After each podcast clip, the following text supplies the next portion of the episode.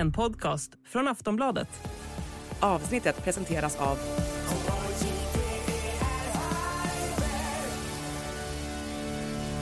Stödlinjen.se, åldersgräns 18 år.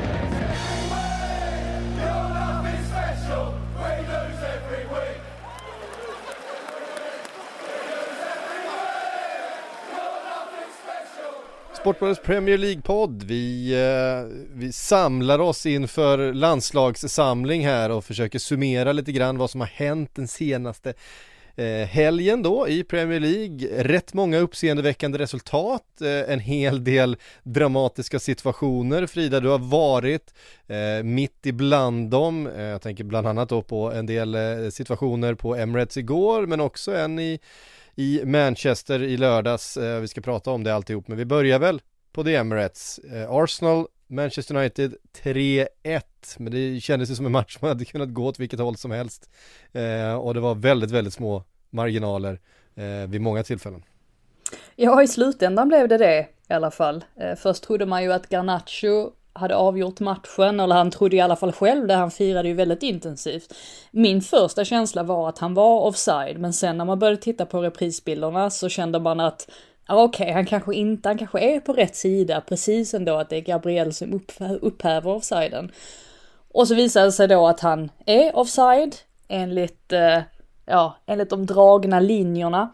Och det höll ju inte Erik Ten Hag med om efteråt och Ten Hag hade ju en hel del att säga om många domslut som framförallt skedde där på slutet och men jag måste ju, jag måste ju bara lyfta fram först den, den mest anmärkningsvärda grejen, tycker jag i alla fall, alltså när, när matchen blåses av och det alltså är Johnny Evans och Harry Maguire som mm. är i Manchester Uniteds mittförsvar.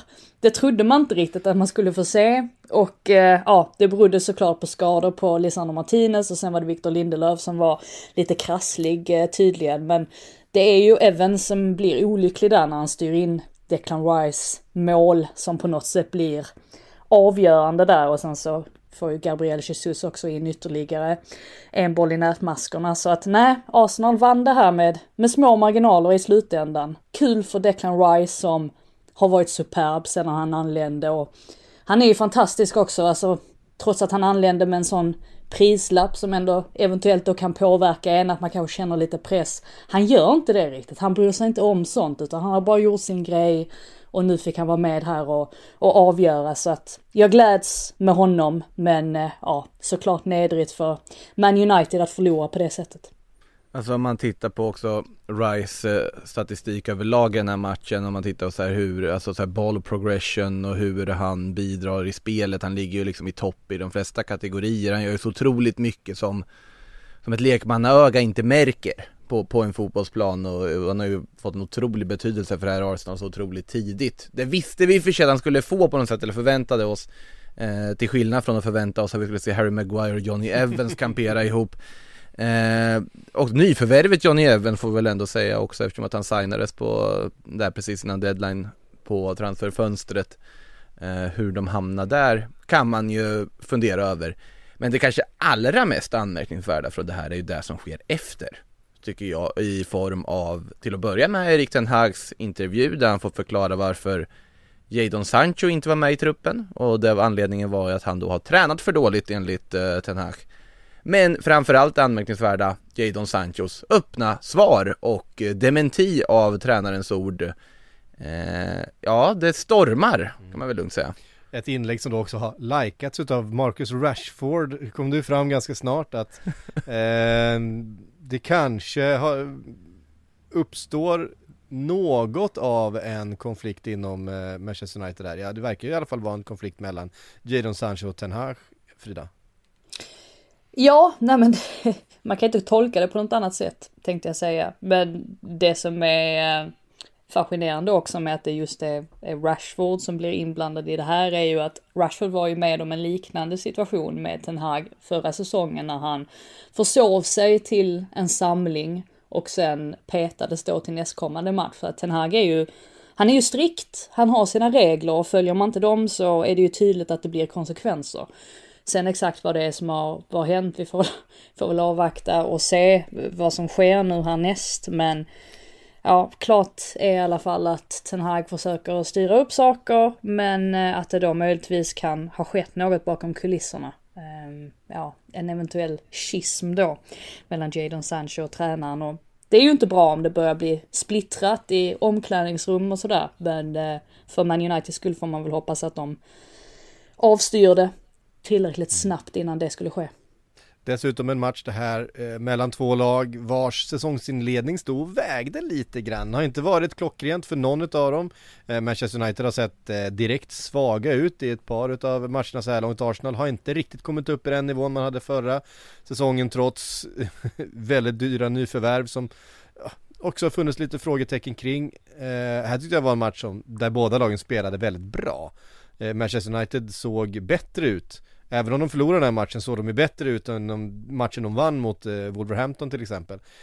Ändå en eh, viktiga poäng för framförallt Arsenal och Manchester United som sladdar lite nu, eh, sex poäng efter fyra matcher bara, det är klart det är inte några Det är inte några stora avstånd än, men, men visst man är sex poäng bakom Manchester City redan och det kanske inte är någon som trodde att, att United skulle utmana om titeln i år, men man vill heller inte vara allt för långt bakom för, för tidigt Frida man, man kan ju säga så här också att både Ten Hag och Arteta står och säger i sina intervjuer efter matchen att de tyckte att ja, att deras respektive lag då förtjänade att vinna. Det säger också mm. något om, om hela den här matchen. Jag tyckte själv att Arsenal var, var snäppet bättre och om man tittar på framförallt den första halvleken när Man United gör 1-0 det kommer ju sig, det är ju deras första touch, eller första bollberöringar i offensivt straffområde.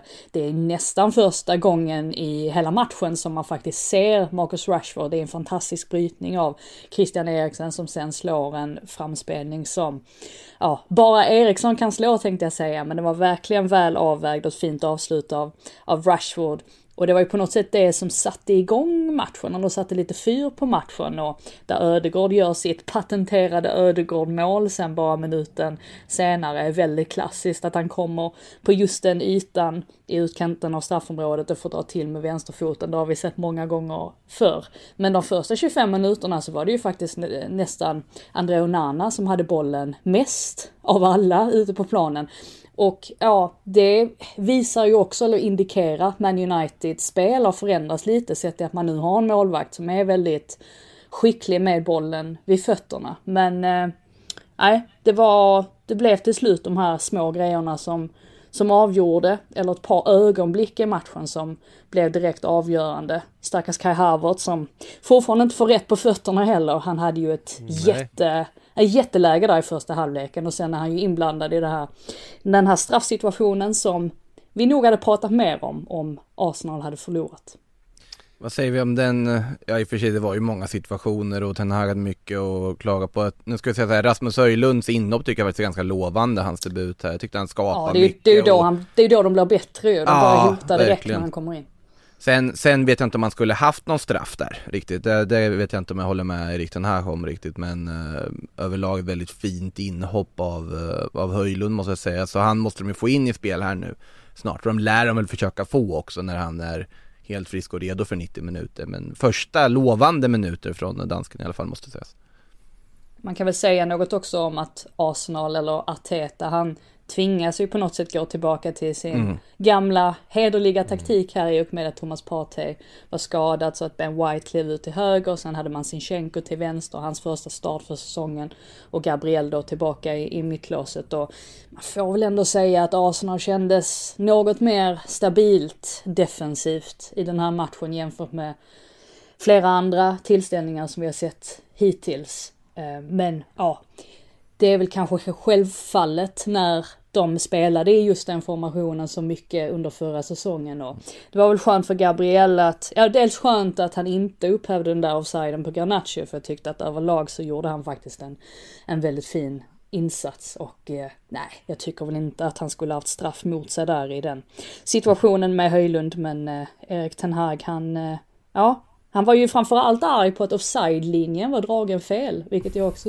tyckte var lite anmärkningsvärt. Det är därför vi ska ha i linje tillbaks. Jag vet att det här är från en svunnen tid och jag aldrig kommer få se det igen. Just att vara i linje, för om det var någon som var i linje där så var det ju Garnacho. Det går Ja. inte att vara mer i linje. Nej jag tycker också det, det är, eh, det är trist med de här marginalerna. Ett sånt fint mål som du ändå var. va? Jättefint Det var- mål, det var ett jättefint fantastiskt mål. avslut. Eh, ska inte liksom dömas bort på en sån här vi har pratat så mycket om när kommer själva tillslaget på bollen. Det är ju ändå en hundradel från att bollen eh, nuddar foten till att den lämnar den. Vad i den här hundradelen är tillslaget? När dras linjen? Allt det där.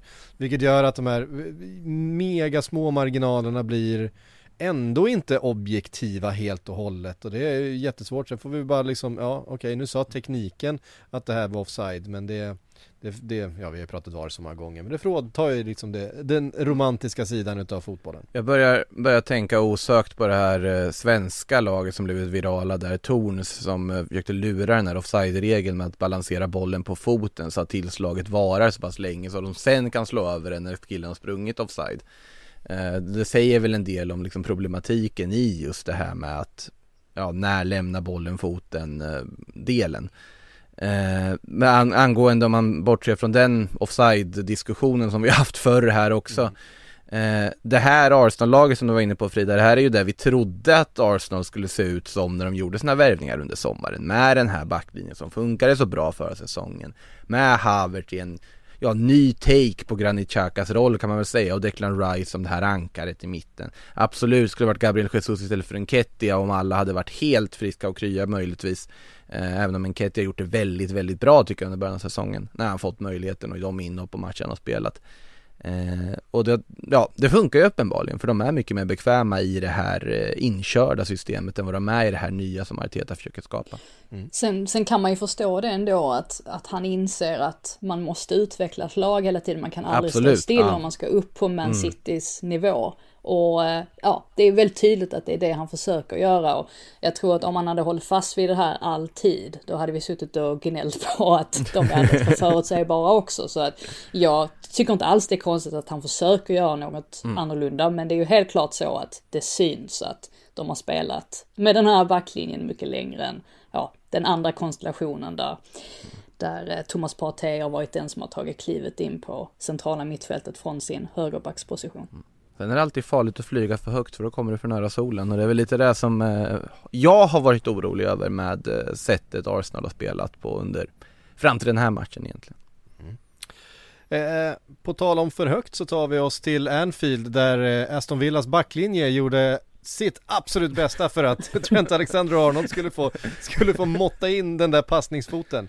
Eh, 3-0 blev det till, till Liverpool ganska problemfri, stressfri seger mot ett lag som vi hade förväntat oss skulle ställa till med betydligt mer problem eh, för en eh, skadeskjuten Liverpool backlinje. Eh, de de eh, behövde knappt förta sig. Joe Gomez halkade vid ett tillfälle och eh, bjöd in McGinn och Ollie Watkins i, i handlingarna. Eh, det avslutet gick över och sådär jättemycket mer. Det fanns en nick och det fanns eh, lite sådär men ehm, Före vi kommer in på Liverpool då, någonting om Unai Emerys taktiska uppställning här och, och att Aston Villa kanske inte riktigt är den, den toppaspiranten som vi har eh, utmålat dem som. Eller i alla fall, jag har utmålat dem som. Ja, alltså utan boll så är ju Villa och Liverpool ganska lika varandra. Alltså rent speluppbyggnadsmässigt så är de, där, där finns det skillnader, men just det här med att de båda två står med backlinjen väldigt högt. Och det blev ju tydligt här att Villas backlinje släppte till alldeles för mycket ytor. Och också att de hade problem med, ja, exempelvis Lukas Dind då som hade en riktigt otrevlig eftermiddag. Han hade ju jätteproblem för att det kändes som att oavsett vad han gjorde så, så blev det fel.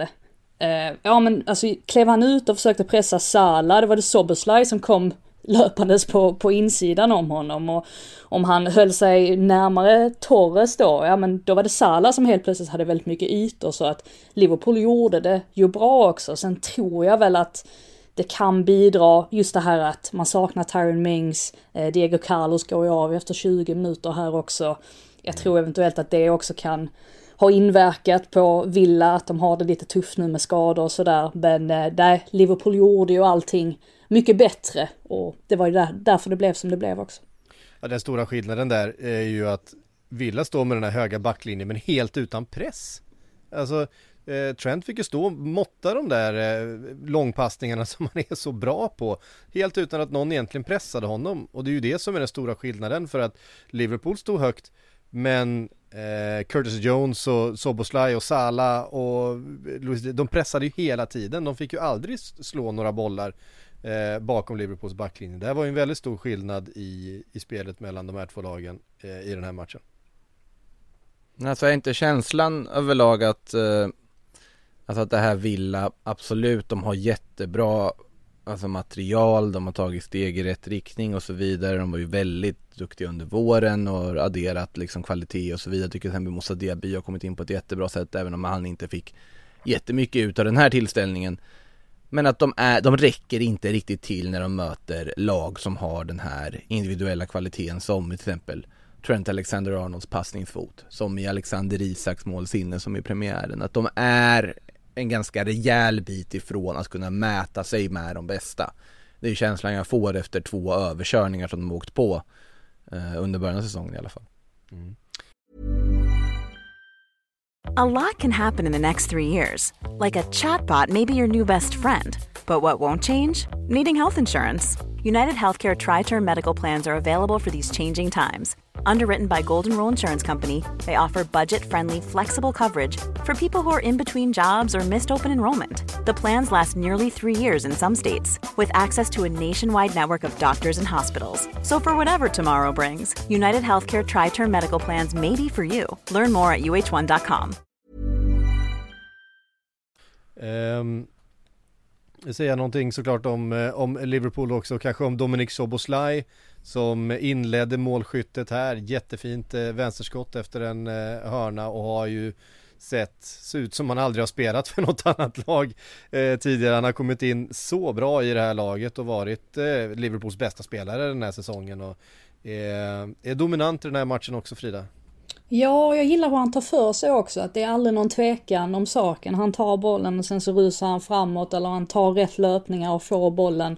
Han eh, har ett väldigt högt självförtroende, vilket ändå är imponerande när man kommer till en ny liga och ett nytt lag och man ska försöka acklimatisera sig. Men han har ju verkligen gjort det omedelbart och jag tyckte även att McAllister var bra i den här matchen så att Liverpool börjar på något sätt, eh, ja, får de bara ordning på den lagdelen där. Ja, då känns det som att Liverpool ska kunna utmana Manchester City till och med att vi helt plötsligt kan tänka oss att de ändå kommer hänga med där uppe. Sen kommer det bli svårt såklart och vi har Arsenal också, vi har säkert ett par andra lag som kommer höja sig längs säsongens gång men ja, lyckas de sudda bort de här defensiva problemen och få den stabiliteten på det centrala mittfältet då, då tror jag att Liverpool absolut har, har en chans.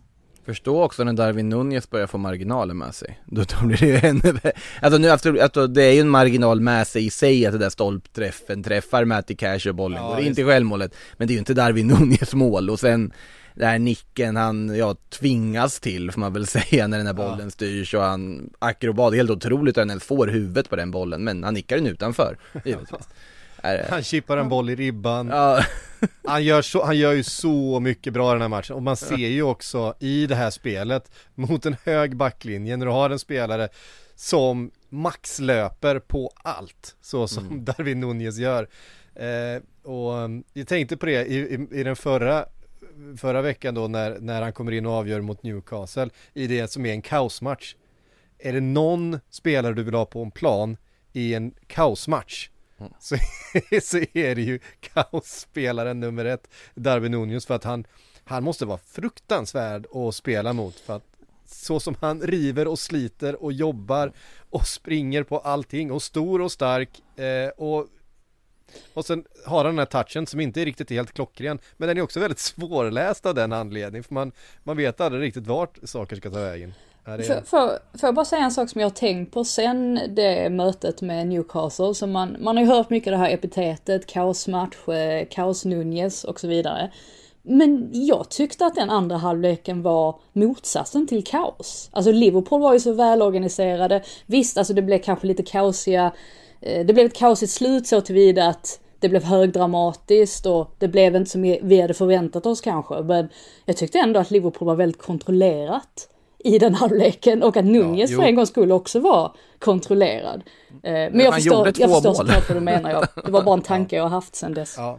Nej men absolut, jag kan, eh, kan köpa det. 3-0 till Liverpool och 3 poäng eh, och man hänger ju med där uppe. Frågan är ifall avståndet redan är för stort till, till Manchester City, två poäng före. Eh, möjligt. fem- 5-1 mot Fulham, men inte en helt okontroversiell 5-1 seger. Eh, fem skott på mål hade man i den här matchen, eh, alla fem i mål. Eh, ingen, bra, ingen bra match eh, så långt för, för Fulhams försvar, men det är ju den här Akes nick, eh, Akanji är det väl som står i vägen för bollbanan. Det här bedöms alltså inte vara offside. Eh, och det är på något sätt efter att Tim Ream då har gjort den här, fått in den här kvitteringen eh, mot spelets gång och allt det där och känslan är att fan Fulham kanske kan liksom kriga sig till någonting här. Så får de med sig det här målet och så rinner det iväg och Haaland gör hattrick så som han gör. Eh, ska vi börja med situationen Frida? För att segern vart ju rätt så eh, inte mycket snack om och det är klart att ett mål i en match som man vinner med, med fem kanske inte är eh, så mycket att, att, orda om men den, den kändes signifikativ för den här matchen ändå. Ja, precis. Precis som du är inne på så tror jag också att om man bara ser slutresultatet så tänker man, men varför, varför ska vi hålla på och käbbla om en sån situation? Men det är just att den kändes väldigt avgörande, särskilt när man var eh, Alltså jag var ju där på plats och det var en ganska avslagen match överlag. Jag tror dels att Fulham led av att eh, Palinja inte var med. Han var ju nära en övergång till Bayern München.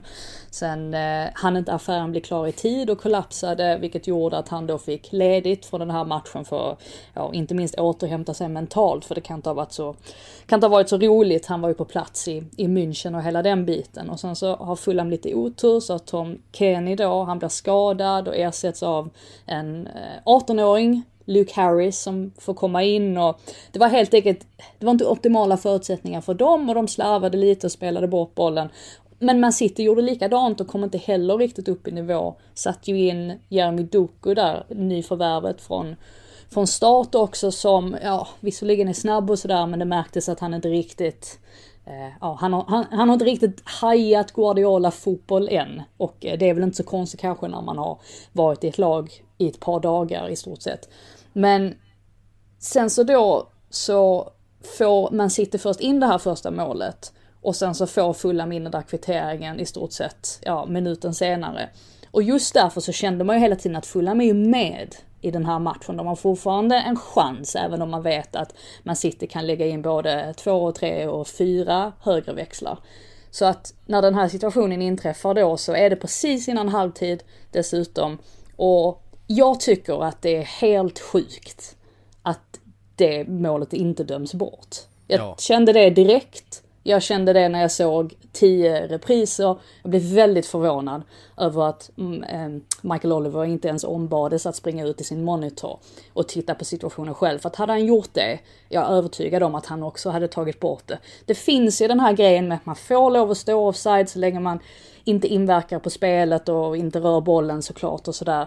Men Akanji, han hoppar ju ändå över bollen väldigt tydligt och jag tycker att han påverkar Bernt Leno så pass mycket att det borde alla, tas bort. alla som spelar fot, har någonsin har spelat fotboll förstår ju att Bernt Leno blir påverkad utav att han står där, där bollen kommer. För han kan inte, där han står, veta om Akanji är offside eller inte, utan han måste anpassa sitt, sitt rörelsemönster utefter att Akanji kan ta ner den här bollen eller kan styra den på mål eller göra någonting. Så han måste på något sätt eh, stå kvar en hundradel längre Eh, det är inte säkert att han når den där bollen ändå, men offside ska det såklart vara. Eh, jag, jag begriper ingenting eh, utav eh, besluten här och jag har inte sett ju- en enda, jag har inte sett en enda liksom expert eller kommentator eh, försvara det här målet heller. Nej, inte varken domare eller tränare eller spelare eller ens motståndare. Jag menar, Erling Haaland stod i, eh, ja men nere i Flash Zone efteråt och sa att jag hade blivit sjukt arg om det hade hänt mig.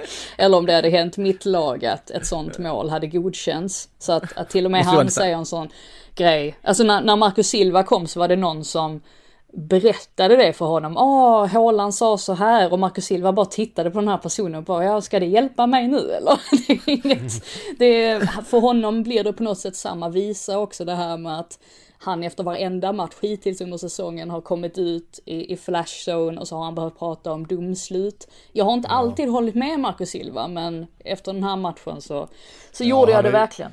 Han har väl dessutom ett gult kort från avstängning nu efter fyra spelade matcher dessutom. Ja, två, Kanske lika två. bra att bara få ta en matchpaus. Alltså, men så här, det, det, gör det ju värre när, när Håland går ut och säger så där egentligen. Alltså det är inte det han vill höra.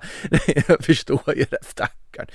Eh, nej, det är helt sanslöst. Man vill ju höra ljudfilen från hur de har resonerat i, i den här situationen. Man vill höra vad varummet säger till, eh, ja, till, till, domaren där. Eh, ja, men gre grejen är så, alltså Bernt Leno gick ju fram, för jag pratade med honom också efter matchen, uh. och han, han gick ju fram till eh, Michael Oliver direkt och sa att, ja men ni måste titta på det här, du måste ju se också att ja, eller i alla fall de i varummet måste ju se att han påverkar, mm. han påverkar spelet, att han inverkar på spelet och, och Oliver sa att ja men de kollar just nu, de kollar just nu och sen så, ja uppenbarligen så tyckte ju inte personen i varummet att det var något, eller att han inte inverkade på spelet så att Michael Oliver blir ju också, han förlitar ju sig på att varummet gör rätt också på något sätt. Mm. Jo, jo alltså så är det ju, självklart. Det, det, är ju mer att hur de har resonerat i varummet där de inte tycker att han behöver gå och titta på den som är det fascinerande i det här. Jag vet eh. inte om det är att de får fullskalig panik där inne. Ibland tänker jag det att när det blir fel eller ja, när man i alla fall känner att varför uppmanar du inte domaren att själv gå ut och titta på situationen? Jag bara tänker att det är som att någon bara trycker på en sorts panikknapp i det där varummet och att de inte riktigt vet vad de ska göra. Så röda lampor blinkar där inne och liksom, vad, vad ska vi göra? Och nej, vad, vad, vad, vad, vad, Springer runt och brinner i håret på någon liksom. Eh, nej men det, det det är också så här att ibland så skickar de ut domaren bara för att det verkar som att, ja men for show liksom. Eh, hur många gånger har en domare skickats ut och domslutet har stått kvar? Det är väldigt sällan. Jag vet inte vad jag har sett det en enda gång. Vi har pratat om det förut att det har ju hänt. Jo, för... det, har, jo det har hänt. Och är det inte till och med just Michael Oliver som är en sån som faktiskt kan stå fast vid sitt domslut i ett sånt läge? Han, han, han har ju jag lite tror att han har gjort det en gång, jag för mig att Mike Dean också har gjort det. Men ja, Mike Såklart han har. Hans intervju där, vi har inte pratat om den när han pratade om var att man vill inte hänga ut en kompis. alltså det var, var det så här, alltså men, Mike Dean bara håll tyst. Men är det ett sånt läge här då att de tittar bara så här, oh ska vi, Michael Oliver det är ju vår liksom eh, ja, senpai så att säga, över, överordnade, men vi vill inte störa Michael, han är ju så duktig liksom, vi vill inte liksom hålla på och peta här. Ja, det, det är bara fulla men då, alltså ska, ska vi låta det ja, gå? Det är det som, ja, man blir eh, lite beklämd. Men 5-1 det... till Manchester City blev det och hattrick utav Erling Haaland eh, som eh, gör det han gör och han är så fruktansvärt effektiv i boxen mm. den jäveln. Så att det, alltså ett par av de här avsluten är ju helt briljanta. Det är alltså, man kan se, man kan se så många eh, anfallare på den högsta nivån bränna de där lägena och man bara vet att han bränner inte de lägena. De bara sitter hela tiden. Det är, det är helt sanslöst vilken förmåga han har. Ja, det kändes ju inte som en, en hattrick match egentligen. Nej. Men eh, nej, ändå står han där. Det var, var inte bara tre mål, han gjorde ju även en assist också. Så han är mm. uppe i 50 mål som han ligger bakom nu om man räknar ihop mål och assist och han är den snabbaste spelaren i Premier Leagues historia att eh, komma upp i de siffrorna. Så att eh, ja, det är inte särskilt förvånande men eh, nej, fint samarbete också med Alvarez får man ju säga. Mm. Det är ju lite det det hänger på nu när De Bruyne är skadad och Holland måste på något sätt utveckla sina samarbeten med de andra lagkamraterna också. Han har ju gjort det med Phil Foden, det har visat sig i, i många matcher och med Alvarez ser det också bra ut. Så att eh, det är ju sånt man City får, får slipa på nu när man ska klara sig utan De Bruyne. Se hur mycket han får bygga på sitt samarbete med Oscar Bob också. Det, det Ja. Ett norskt anfallspar där, det hade varit roligt. Det är ett otroligt namn får man säga. Ja det är det. Man blir inte och förvånad när man ser att han är, att han är norrman heller. Man bara, ja såklart. Oscar Bob. Bob och Braut och Braut och Bob. Ja, ehm, ett lag som hade behövt en klinisk avslutare är är Chelsea. Eh, det blev förlust hemma på Stamford Bridge mot eh, Nottingham Forest. Eh, Nicola Jackson missar mål från två meter. Det, det bara vill sig inte. Å andra sidan, Anthony Elanga fantastiskt kyligt avslut. Jag vet inte folk som pratar om att det är, åh han slår den för löst eller att det var inte riktigt, alltså det är ju perfekt. Löst? Vem har sagt att han slår den för Det var löst? ett perfekt avslut. Han fick den frågan i, i eh, Den gick ju i mål, det var jättekyligt, vad är problemet? Via, via Play-studion. Den var ett helt perfekt avslut. Det var ju bara en bredsida in till stolpen, otagbart. Eh, Supervackert. jätte, jättevacker eh, omställning efter att eh, Moises Caicedo av alla miljardspelare tappat boll på mittplan. Snabb omställning, två touch. Eh, jättefint av Anthony Elanga som ska kanske sätta något avtryck i de här landskamperna som kommer.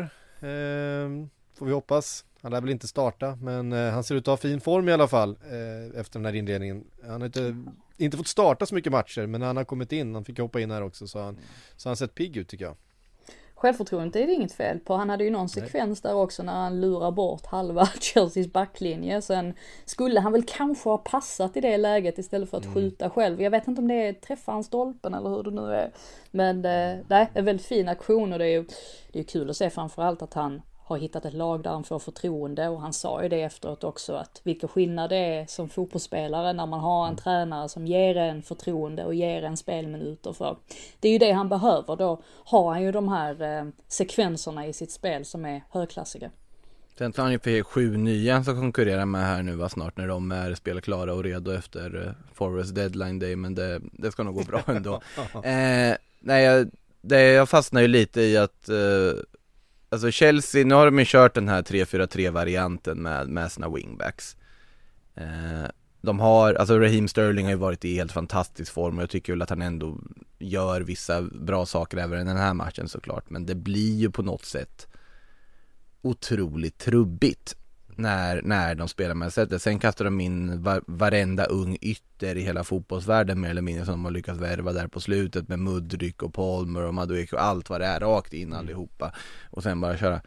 Det Får känns... ingen riktig effekt på det. Nej, det får de inte överhuvudtaget någon effekt på det, men känslan här på något sätt just nu är ju att de Vet inte om de mår så bra av den här något liksom baktunga trebacks eh, linjevarianten de spelar. Sen absolut är det här som Porsche har implementerat och han vill jobba med och det här är fortfarande såklart en work in progress. De har värvat ungt med en tanke och det ska finnas trots 12-13 miljarder kronor spenderade någon form av tålamod med truppen.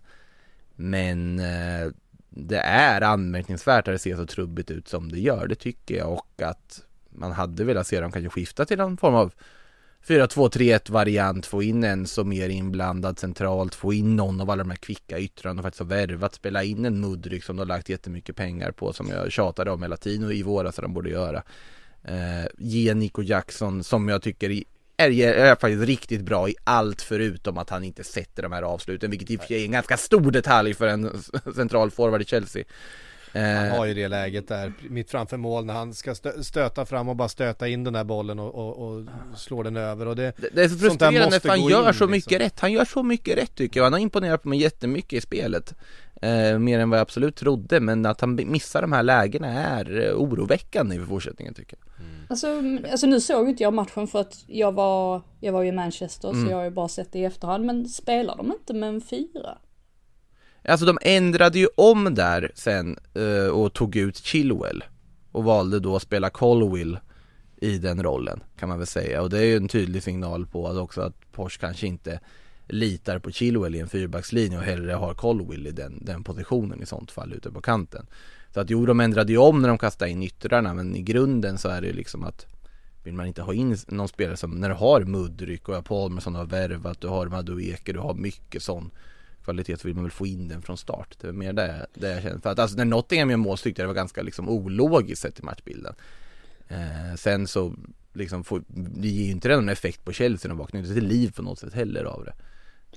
Alltså det, det enda som jag kände när jag jag som kollade extended highlights då, det var Mm. väl att, eh, jag har ju efterlyst det här med att Enzo Fernandes eventuellt skulle få spela högre upp i planen, men Mm. På något sätt så kände man ju nästan att man ville kasta om honom och Gallagher, att det kanske hade Mm. ja, gjort att det hade sett lite mer stabilt ut för att nu tycker jag nästan att Caicedo, han, det, det blev inte, de fick inte riktigt rätt balans på den mittfältstrean där eller vad man säger. Ehm, men ja, många nya spelare men samtidigt så Premier League är ju skoningslös. Så här ser det ju ut att alla lag i den här serien har ju, eller i stort sett alla lag har ju spelare som representerar landslag och håller, håller hög klass och då går det inte riktigt att eh, få tid att andas och sådär och utveckla saker och det är väl egentligen Pochettinos största problem just nu att ja, det finns ingen tid. Eh, nej, fyra poäng efter fyra matcher. Enda segern kom hemma mot Luton. Eh, det är inte ett speciellt starkt facit så här långt. Hur, hur mycket tålamod finns det i Chelsea? Det är en fråga vi ställer oss varje säsong och eh, ofta är svaret på den frågan ganska lite. Ja, men det... Vad förväntar man sig egentligen när man väver in jättemycket spelare? Jag menar, Forrest var ju faktiskt i en liknande situation förra säsongen fast de, de spenderade också mycket pengar men samtidigt så var det ju en, ett helt annat sorts klientell jämfört med vad Chelsea håller på att göra. Men jag menar fråga Steve Cooper hur jobbigt det är att få ett helt nytt lag som man ska försöka spela ihop mitt under säsong. Det är inte enkelt men Pochettino måste ju lära sig här nu också vad som fungerar, vilka konstellationer på planen som fungerar. Um, inget enkelt uppdrag men vad annat kan han göra och vad förväntar sig egentligen Todd Bowley och gänget? Det är, man är ju inte förvånad över att det inte klickar direkt så att säga. Eh, en minikris i Chelsea då. Minikris har vi också uppe i Newcastle. Bara tre poäng efter fyra spelade matcher. Eh, och eh, utspelade utav Brighton, i Brighton eh, i helgen. Och eh, framförallt stora eh, rubriken till Johan Ferguson, 18 år gammal. Hattrick, även om ja, bollarna ska studsa rätt också. Nick Pope får ta på sig det första och det tredje var en, en ganska grov styrning. Men just det där andra målet, alltså ta det avslutet från det avståndet och på sättet han gör det. Helt makalöst avslutat. Det är ett så fint avslut. Det har, jag tycker det har pratats för lite om det avslutet för att hade den, hade den suttit liksom smack upp i krysset så hade vi pratat mycket mer om det. Det han gör är precis lika svårt. Eh, det ännu mer effektivt skulle jag vilja hävda. Alltså, den dyker så här. alltså det är på väg så bara dyker rakt ner där vid stolproten. Men också är det. ha den närvaron och det, det självförtroendet att som 18-åring ta det avslutet och bara göra det med sån självklarhet. Eh, han verkar ju också vara en så vad säger jag nu blir det svengelska, men så level-headed liksom. Han, han verkar vara så mogen, eh, han verkar trivas, eh, han har också sådana fysiska förutsättningar, men han är stor, han är stark, han är snabb. Han vet också om att han nu är värd ungefär två miljarder så att det var Ja, han är liksom-. Ja, men han, han känns som ligans, ja men det, det här är ju nya guldgossen. Eh, är, Ja. är ju känslan man har. Och jag menar, nu kommer Ansu Fati, så har vi Ferguson, Ansu Fati och... eh, Och så kommer Di Cherby starta med Welbeck efter uppehållet. nej det kommer han inte göra. Jag skulle inte förvåna om man gör det ändå. Han är ju, alltså Ferguson är ju speciell och det har vi ju sagt länge, eller det tyckte jag man kände första gången man såg honom Han spela. tio mål förra säsongen. Helt sanslöst. Ja, att, vara- att vara så ung och göra de här sakerna, det är ju det som är allra mest anmärkningsvärt. Och han har ju jämförts med både Erling Haaland och eh, Alan Shearer till och med. Och det är ju Han påminner ju lite om. Alan Shearer. Han påminner ju om Alan Shearer i sättet han spelar. Alltså den här självklarheten, den där på något sätt han har ju alltså den här instinkten han har vid, vid första målet, att han är där och sen att den så självklart bara rakas in i målet. Eh, men det är, det är på något sätt sättet han, han spelar på som jag, jag som minns Alan Shearer.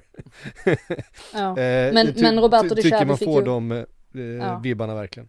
Men de Cherby fick ju frågan på presskonferensen efteråt vilken spelare han tycker han är mest likt. Och det var det svaret jag egentligen tyckte var allra mest intressant. För han svarade Christian Vieri. Och Mm. det, ja men it makes sense också. Ja. Också Italiens en stor anfallare. Nu var ju visserligen han vänsterfotad och även Ferguson är, är högerfotad. Men bortsett från det, från det så har de ju faktiskt egenskaper som är väldigt likvärdiga. Jag tyckte bara det var intressant att få höra ett annat svar för att Alan Shearer och Erling Haaland är ju två stora starka anfallare som man alltid slänger mm. fram på något sätt i sammanhanget. Men eh, han är lik, eh, han är lik fler än så och i framtiden Absolut. så kommer vi kanske jämföra andra spelare med även Ferguson. Det är inte omöjligt för att han ser verkligen ut att vara, ja, att vara något stort så att säga. Mm. Nej men jag blev glad att höra Bob och Vieris namn, det kände jag här. Det var a blast from the past. Uh, så att, nej men alltså han är ju fenomenal. Uh, Ferguson, det är ingen snack om den saken. Sen, ty, sen känns det ju som att De Cherby ändå som sagt matchar in honom långsamt i det. Han stressar inte upp sig över ett, ett hattrick och in, eh, inte liksom bygger inte allt på det. Han får utvecklas i sin takt på något sätt och det tror jag också kan vara ganska nyttigt uh, framöver. Sen, sen måste man väl ändå fråga sig vad uh, Newcastle ändå sysslar med i, i dagsläget. De får inte riktigt till det offensivt heller ska ju sägas. Det är trubbigt och om vi tar en annan stjärnforward i form av uh, vår svenska vän Alexander Isak så hade han ju ännu en jobbig match. Och känslan ja. han inte får så mycket uträttat och inte får så mycket att jobba med. Nej, han, får, han kommer för långt ifrån sina, sina lagkamrater på något sätt i den här eh, matchen. Eh, Callum Wilson kommer ju in sen och gör ett fint mål. Mm. Mm. Frågan är jag tycker, fall, ja. han kan hålla jag... sin, sin startplats så länge till om, om han fortsätter se så här trubbigt ut. Ja, alltså jag tror väl ändå han gör det, men överlag så tycker jag att detta är Newcastles sämsta insats under Eddie Howe. Och det säger jag med vetskapen om att det fanns en period under förra säsongen där när de förlorade ligacupfinalen mot Man United bland annat, där de inte heller kom upp i nivå. Men eh, de var inte alls påslagna i den här matchen. Nu har de ju förlorat tre raka matcher här och det tog ju dem 24 matcher förra säsongen att komma upp i i eh, så många antalet förluster. Men skillnaden mellan den här förlusten jämfört med de andra var ju att, nej, de var inte påslagna, de kom inte, de kom inte in i pressen, var väldigt lojt. Jag menar när, vid det här första målet när Sandro Tonali, när han rensar undan bollen, alltså han rensar ju knappt undan den och sen så Nick Pope då med, när han olyckligt då släpper ut den igen. Det var, det var mycket som inte, som inte klickade och inte stämde. Och eh, ja, nu börjar ju folk direkt peka på transferfönstret och säga att ja, det är felrekrytering eller man har inte kunnat plocka in nya spelare på grund av eh, FFP-reglerna och sådär och att det är det som hämmar dem. Men jag tycker väl mest bara att de måste hitta tillbaka till det de gör så bra. Jag menar stora delar av mötet med Liverpool så var de ju faktiskt bra, alltså hela den första halvleken. Och sen så var det ju de själva i stort sett som kastade bort segern där i andra halvleken så att nej, de eh, har ju verkligen kommit in i en, i en, eh, ja, en liten dipp här.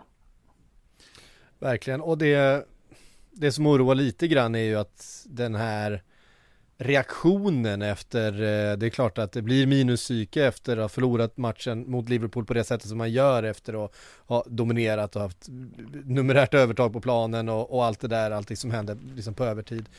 Men att reaktionen blir den här, att man går ut och gör sin sämsta match på, ja men kanske ett kalenderår eh, efter det, det, det bådar inte jättegott tycker jag. Det borde inte gått för tror, Champions League. nej, jag tror att de, eh, jag tror att Eddie Howe är rätt så glad över att det är ett landslagsuppehåll nu. Ja, helt klart. Och jag menar, de hamnade ju trots allt i dödens grupp i Champions League så att det är inga, det är inga smålag de ska möta. Nej. Och eh, nej, de behöver definitivt höja sig tills dess om man säger så. Onekligen. Det är väldigt spännande att se hur eh, alltså, de agerar i Newcastle med Howe och hans jobb ifall det skulle fortsätta på en ganska svag resultatrad. Det, det var väldigt intressant att se om inte annat. Ja, alltså det här är ju säsongen då de ska cementera sin plats där uppe eh, bland de bästa lagen. Det är känslan man har. Förra, Fast... förra, förra säsongen var en bonus att de kom topp fyra. Eh, nu har de fått tid att bygga och, och spela ihop och eh, vi ser ju alla startelvan är ju bra.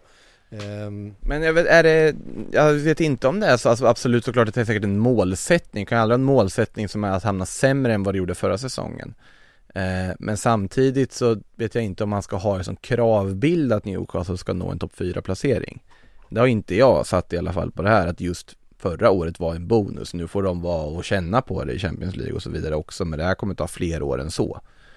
Jag tror väl de tror framförallt att de hade önskat att de, skulle vara lite närmare lag som Ja så är det. Man, Man City och Precis. Liverpool. Jag menar rent prestationsmässigt så, så var de ju inte det tydligen eftersom att de har förlorat båda de matcherna. Och det är väl det på något sätt att man vill se steg i rätt riktning, att man närmar sig dem snarare än att man, ja, att eh, luckan emellan fortfarande är lika stor.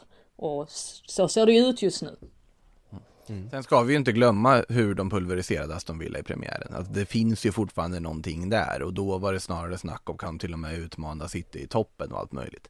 Så att man ska nog ja, hålla sig lugn i eh, analysen, vilket vi är såklart jättebra på här. Men eh, ja, jag, jag eh, det är de City, bra- Liverpool, Brighton. Den här matchen mot Brighton var ett bottennapp, absolut. Men att de förlorar mot City har, reagerar inte jag på. Att de tappar på det sättet de har Liverpool, det är en sak. Eh, Det är den här matchen som kanske är det största orosmomentet sett hur de, ja, utmanövrerade de blir av Brighton. Vilket också till stor del har att göra med att Brighton har gjort sin läxa och gör det väldigt bra också. Ja, Brighton är bra. Det, är de, det är- det är bara så det är. Det har vi nog insett allihop nu. Eh, Cool fact a crocodile can't stick out its tongue. Also, you can get health insurance for a month or just under a year in some states. United Healthcare short term insurance plans, underwritten by Golden Rule Insurance Company, offer flexible, budget friendly coverage for you. Learn more at uh1.com. Ehm, vi har hyllat Tottenham så här långt och Ange jobb med att få ihop det här laget till ett, eh, ett sprudlande, ett, ett lag som känns och ser ut som Tottenham. 5-2 mot Burnley. Det känns, ju, det känns Tottenham på något sätt men det hade varit snarare på hemmaplan, att åka, åka till bortaplan till Turf Moor och faktiskt pulveriserar eh, Burnley på det här sättet.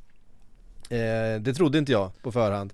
Eh, inte minst när man då får ett eh, mål i baken efter bara eh, 10 minuter spelade eller vad det var. Eh, riktigt imponerande och Heung-Min Son i den här strikerrollen istället för Richarlison, hattrick.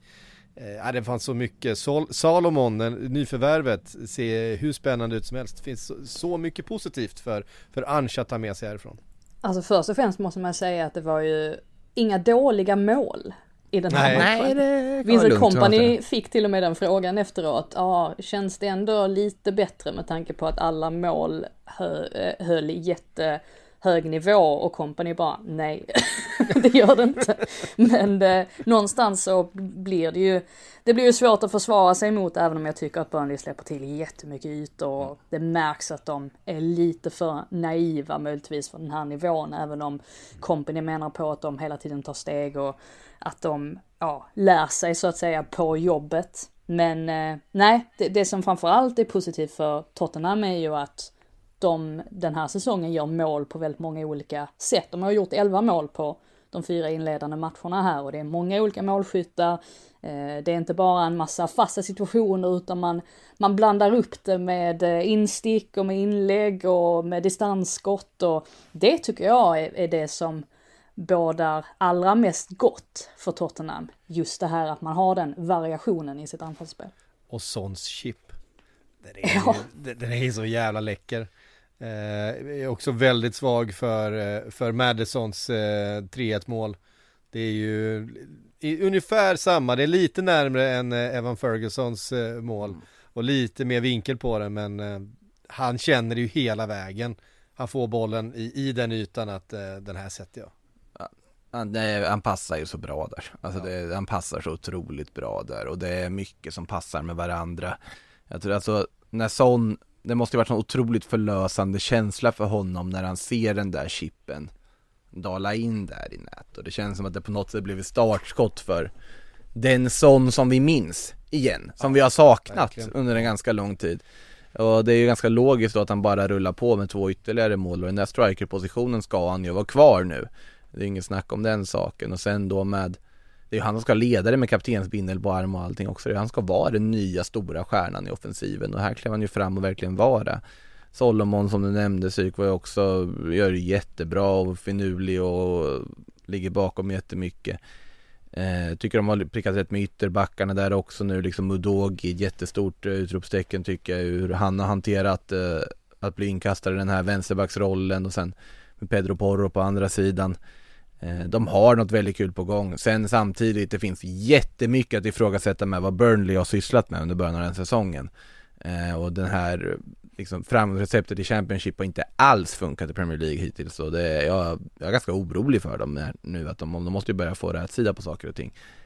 Men eh, det ska inte ta ifrån Tottenham någonting för Tottenham ser otroligt sevärda ut och otroligt starka ut just nu. Och så ska Brennan Johnson in i den här smeten ja, också. Det, jag är lite orolig för Dejan Kulusevski faktiskt, för jag vet inte mm. riktigt hur Postekoglu, hur han ska formera det här laget. Mm. Nu var Richarlison borta också, men Son skötte ju det bra. Centralt. Ja, Kulusevski har, han, han har sett eh, lite trubbig ut så här långt eh, kan jag tycka. Han fick ju med sig ett mål där förra helgen va, men eh, annars inte inblandad i sådär jättemycket. Eh, det var många spelare som gjorde jättemycket fina saker i den här matchen. Kulusevski lyckades inte med speciellt mycket. Eh, faktiskt. Pedro Porros framspelning till, till 5-1 målet där är ju också helt eh, sagolik. Eh, plus att Vicario som vi inte riktigt vet vart vi har än fick göra en riktig tv-räddning och han jublade som han hade gjort, gjort en bicicleta i andra, andra straffområdet vilket han såklart ska göra. Eh, kändes nog skönt för honom också eh, att få, få visa upp sig lite grann. Eh, vi tar oss eh, vidare därifrån då till ångestmötet. Eh, nummer ett, Sheffield United, Everton. Eh, ja, det behövdes poäng eh, hos båda de här två lägren. Båda står på noll poäng inför eh, helgen. Båda står nu på en poäng efter att ha delat då på poängen eh, i Sheffield. Och igen, det är nya förvärv. Eh, vi hade, vad hette han, nyförvärvet i Everton som jag alltid glömmer namnet på. Beto. Beto. Eh, fick ju kliva in här och, och, såg fin ut. Annars var det ju Danjuma, på tal om eh, Tottenham, som, som gjorde det bra för för Everton och räddade den här poängen då i andra halvlek. Ja, alltså det är ju faktiskt Beto som skänker någon form av hopp till mm. Everton just nu.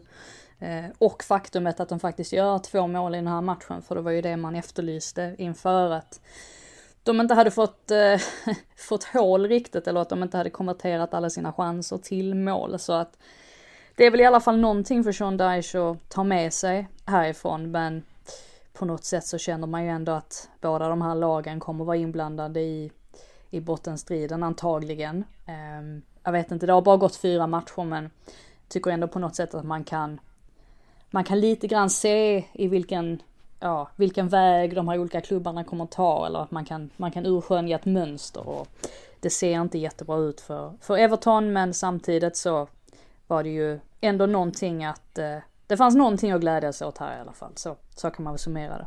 Ja, de gjorde ju mål till att börja med. Det är ju bara en sån sak att glädjas och sett att de ändå att man kände ju där när efter Dokore gör det tidiga målet, men ska det lossna här nu? Och sen när de ta, liksom blir vända mot och Sheffield United får det här, ja, marginaler med sig hade de ju på det alltså, där 2-1 målet, det är ju helt sanslöst Ja, där. Sen, och sen ska vi komma ihåg att hur nära det är att Sheffield United gör 3-2 eh, ja. Det är det sista som händer i matchen Bollen studsar upp i ribban, Pickford gör någon helt sjuk räddning och, och re, petar den i stolpen och liggandes får upp en hand på den Ja det är ju så ja. nära att McBurney avgör den här matchen och tar alla tre poängen till Sheffield ska vi komma ihåg ja. och det De behöver ju att Pickford räddar dem i sådana här matcher. Men det, det, är ju fortfarande så. Han räddade dem många gånger förra säsongen han kommer mm. behövas den här säsongen också. För det blev ju något annat i andra halvlek, det är ju det. För att i slutet av den första, då är det ju snarare att bollen går på Pickfords rygg och in i mål och då kände man Everton kommer åka rakt ut där. De kan inte, det kan inte vara så här mycket motvind för dem.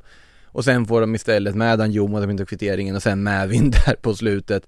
Så blir det ändå på något sätt en poäng som känns något vunnen för Everton i slutändan jag tror att det bara det är viktigt att få med sig någonting, få med sig någon form av marginaler på rätt sida och ändå få med den här, vad heter det, Pickford-memen man har sett här bara runt om i flödet hela tiden på när han ligger där med bollen och, och nickar lite glatt. Eh, bara sån, sån detalj. Bara, bara få med sig positiva saker tror jag är viktigt för Everton i det här läget. Eh, på tal om att eh, uttala sig om tränare och sånt ska man väl nämna, Demarai Gray var väl ute här nu också och eh, var ganska tydlig med vad han tyckte om Sean Dyche. Eh, vet inte om ni såg det? Jo. Ja. Det Eh, kan väl ingen tänka sig att någon kan ha en stark åsikt om Sean Dyche? Nej för den var väl nästan lite mer eh, tydligt, eh, tydlig schism än vad man kan eh, säga om, vad heter det, Jadon Sancho när han säger att jag älskar de här supporterna och spelar för dem, jag vill också spela inför, under människor som, jag, som visar mig någon form av respekt, ungefär så. Fin Eh. eh, melankolisk bild också. Ja, otrolig svartvit melankolisk bild faktiskt. Ja, eh, så där stormar vi lite också, men det stormar ju i tabellen med för Everton så att det är väl vad det är. Ja, om det är kris i Everton så är det ju raka motsatsen i West Ham. Eh, Vi visste inte riktigt vart vi hade dem efter förra säsongen då de ju tog en titel men också väldigt länge var med nere i botten. 10 poäng har man efter fyra spelade matcher. Nu var det Luton som eh, förpassades. Eh, 2-1 till slut men eh, eh, ja, de fortsätter ta sina treor och och James Ward-Prowse fortsätter slå hörner som det bara är att knoppa in. Är det det mest lyckade nyförvärvet i Premier League sett till bara de enbart första omgångarna? Mm, ja, jag tycker Bruno Fernandes var otrolig när han kom. Ja, alltså det Alltså nu, nu pratar jag alltså den här säsongen. den här säsongen. Jaha, ja, det den här kan det säsongen. mycket väl Ja, ja. Ja, inte, inte, inte totalt liksom. Eh, Ja, men det, det, han har ju verkligen gjort det han är köpt för att göra. Eh, Och hans tillslag är ju så poänggivande och är, i ett David Moyes-lag som lever så mycket på fasta situationer så blir han ju ovärderlig. Eh, Alltså de där hörnorna han slår, de är så, de är så bra så att Mm. det, det är ju målfara, det är målchans varje gång.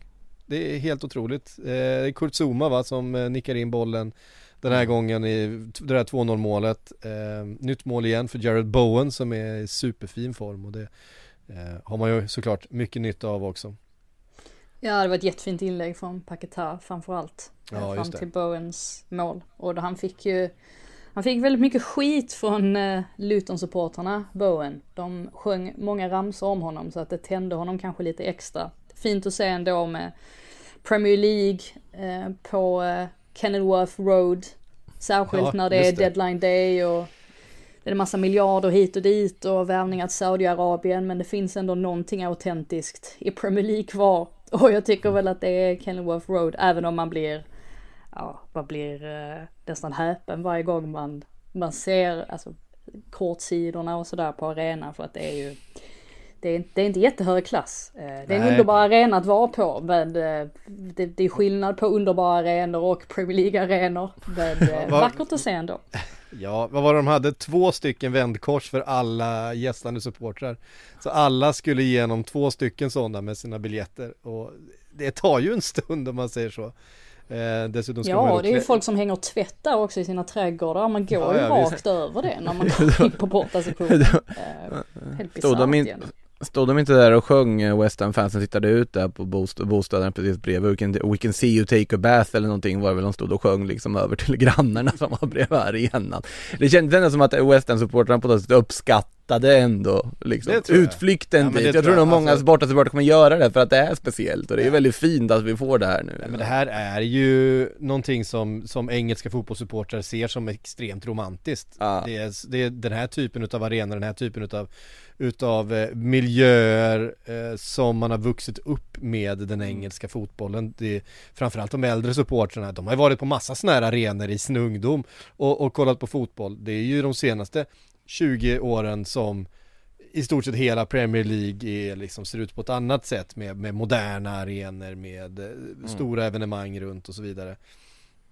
Så att det finns ju någonting otroligt romantiskt som jag verkligen tror många i, i, i England uppskattar och jag tror jättemånga. Jag vill, alltså man vill ju själv åka dit och få uppleva det. Eh, det går ju att uppleva det. det. Det är svårt att få biljetter såklart. Eh, sen så, jag menar, vi var på The Den i, eh, ja, i höstas förra Mm. året eh, och det är klart att det, det är en större arena än, än Kenworth Road. Men, Men det var ändå har, upplevelse, den det har har ju mycket någonting. utav den här Ja. skärmen och det, det finns ju tillgängligt eh, överallt i England, i de lägre divisionerna men Ja, det Albert- finns ju inte, ja, alltså nu är det ju precis som du säger att det, det är ju inte många i de högsta serierna som har det längre, tyvärr. nej, Att de, så är det ju. de byter ut sina, sina arenor Um, Kenilworth Road är ju, den hade ju varit speciell egentligen oavsett om Luton hade spelat i Premier League eller i League 2. Um, den hade ju fortfarande haft någon, ja. haft någon sorts charm för att den var så otroligt nedgången. Nu var jag senast där i våras, måste det ha blivit, och har varit där ett par gånger. Och jag menar, de har ju inte ens, alltså det är ju såna här alltså bredvid sektionerna tidigare så var det ju, det var ju bara liksom träbänkar utan ryggstöd där man satt. Alltså det, det var ju, nivån var ju så otroligt låg. Och ja, som sagt, det finns väldigt många lag som spelar i lägre divisioner än, än Luton som har fräschare arenor. Så att ja, det säger lite om Luton också. Men det, det är ju, det är ju fint, man gillar det. Albert Sambi Lokonga tyckte i alla fall om den nog för att faktiskt skriva på det där låneavtalet och stanna där i alla fall när han var på plats. Så det, var, det säger väl någonting också. Mm. Eh, Crystal Palace mot Wolverhampton 3-2. Eh, vi, eh, det tändes ju ändå lite förhoppningar runt eh, Wolves efter den där matchen mot eh, Manchester United i början på, eller i premiäromgången där de spelade riktigt fint. Har fått tre poäng med sig så här långt men har inte riktigt margin marginalerna med sig här heller och eh, Crystal Palace är inte ett lättslaget lag på något sätt. Det känns som ett det känns ju definitivt inte som ett lag som kommer vara inblandat i någon bottenstrid den här säsongen, Palace, eh, under, under gamle Roy. Folk var ju helt vansinniga här för att det var ju den matchen som Sky hade valt att sända, Crystal Palace Wolves och inte Liverpool Aston Villa.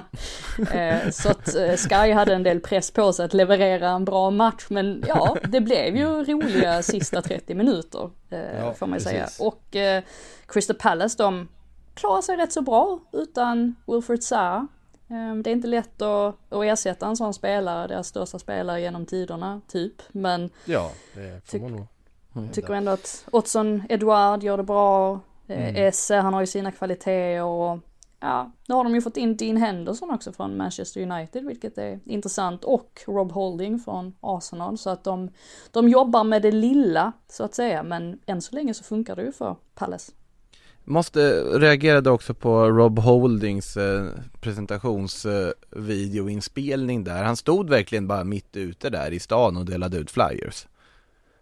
Alltså liksom mitt på Jag har inte sett den här kan jag... Ja, Du har inte sett den här videon? Nej, nej tydligen så stod han där ute på vid Piccadilly där och bara delade ut flyers som att han var klar för Palace. Det är bara random förbipasserande människor. Och ändå hade ingen läckt liksom att Rob Holding var presenterad och klar där, på, där på kvällskvisten. Han har stått där mitt bland vanligt folk och delat ut flyers. Det är ingen som känner igen honom nu när han har hår, det är ju det. han kan, han... Det var väldigt, väldigt wholesome tyckte jag i alla fall. Jag blev väldigt glad av att se. Ja. Det är lite konstigt också om man stod vid Piccadilly Circus och gjorde det här. Jag förstår inte riktigt vad eh, Ja eller alltså nu, jag tror Nej, det var Piccadilly men någonstans stod den, du har bättre koll på London geografin här nog tror jag Frida, men no någonstans i stan stod den där i alla fall och delade ut flyers. Jag har för mig att jag läste att det var Piccadilly men jag kan ha varit fel. Ja, ja där var det säkert.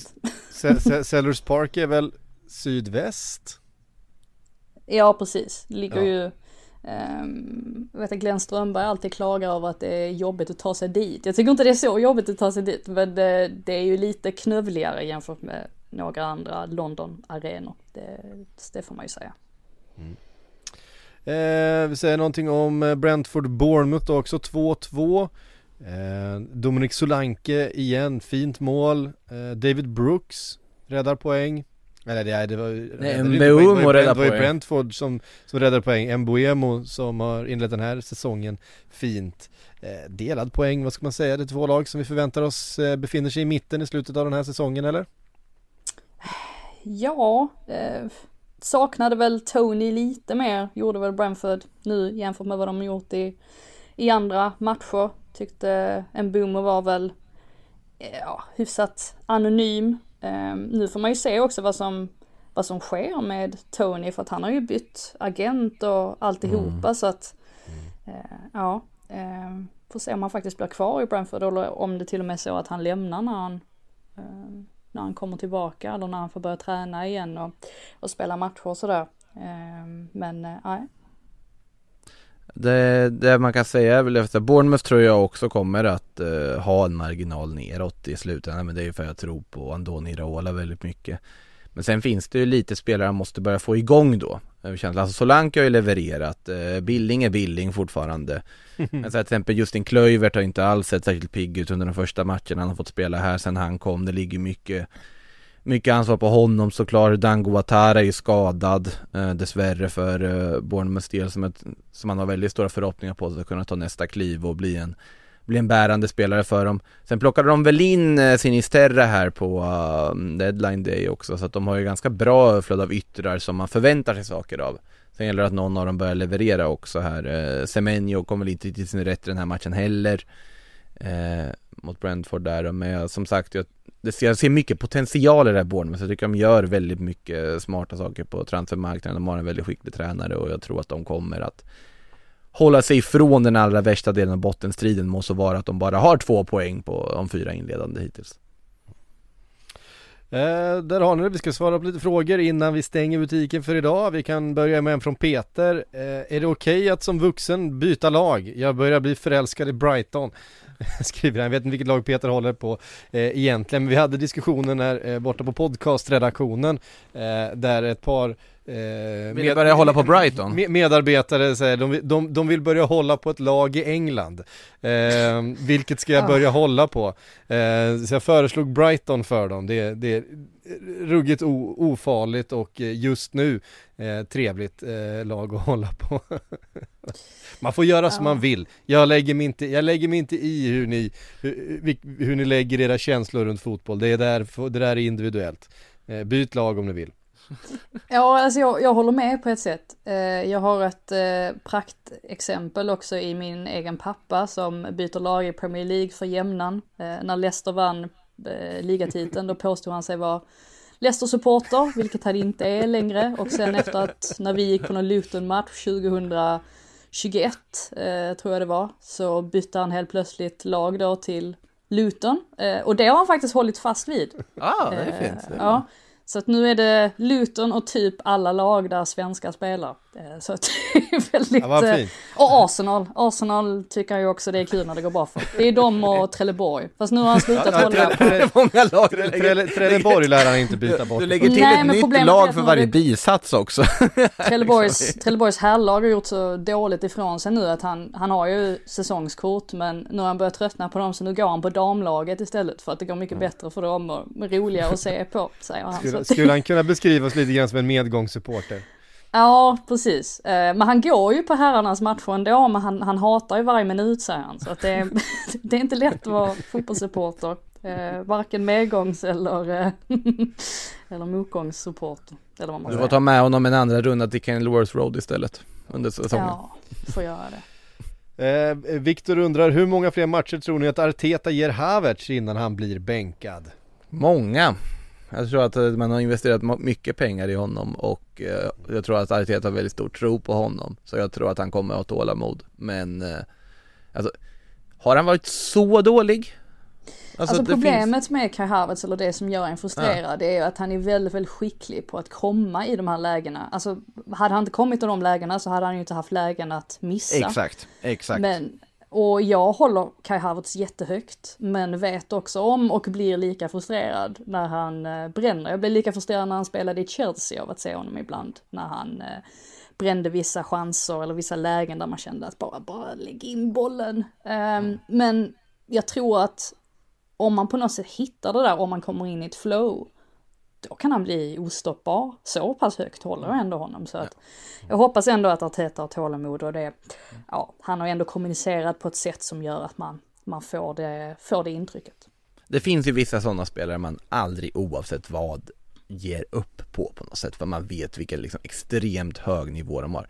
Jag vet att förr eller senare den här säsongen kommer Kai Havertz sitta i mitt fantasylag. Alltså det kommer han, han kommer hamna där förr eller senare oavsett vad som händer för man har sån otroligt hög tro på hur högt det där taket är för honom. Alltså Joao Felix är en annan sån spelare som är också säger att jag kommer aldrig ge upp på honom för man vet, vet hur fruktansvärt bra han skulle kunna vara om poletten trillar ner och du får den här liksom att det bara släpper. Eh, och Havertz är för mig samma sak så att jag instämmer helt med dig där Frida. Ja, eh, där har ni, ni, det är ni många som har ställt frågor om eh, Erik Ten Hag och eh, Jadon Sancho, vi pratade om det tidigare i programmet så jag tänker inte eh, grotta mer i det just nu. Eh, Imorgon så gör vi en, en avslutande Sillypodd, vi sammanfattar fönstret deadline day, eh, du och jag Makoto. Eh, sen ska du gå på lite semester. Så att vi får klara oss själva under eh, några veckor här Frida. Jaha, vad mysigt, du och jag. Ja, det blir, det, blir du och jag, får se ifall vi Ska vi inte, se, ska vi inte få ett gästspel från eh, Kalle? Jag vet att han är mitt uppe i en, eh, att eventuellt gå upp i allsvenskan. All... vi får se ifall vi kan, eh, kanske lyckas under landslagsuppehåll eller någonting annat. Jag vet inte, superettan kanske spelar ändå. Jag kommer att sitta på någon kvarterskrog i Tokyo och lyssna med stor glädje i alla fall. Ja, det gör du rätt i. Eh, hörde ni, det var allt vi hann den här veckan i alla fall. Det är bara att hålla utkik efter eh, det som kommer så hörs vi snart igen.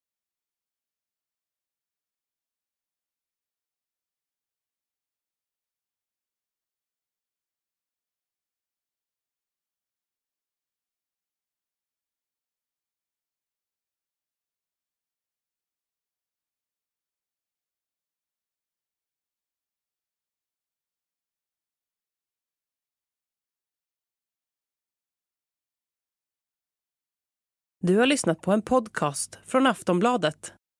Ansvarig utgivare är Lena K Samuelsson.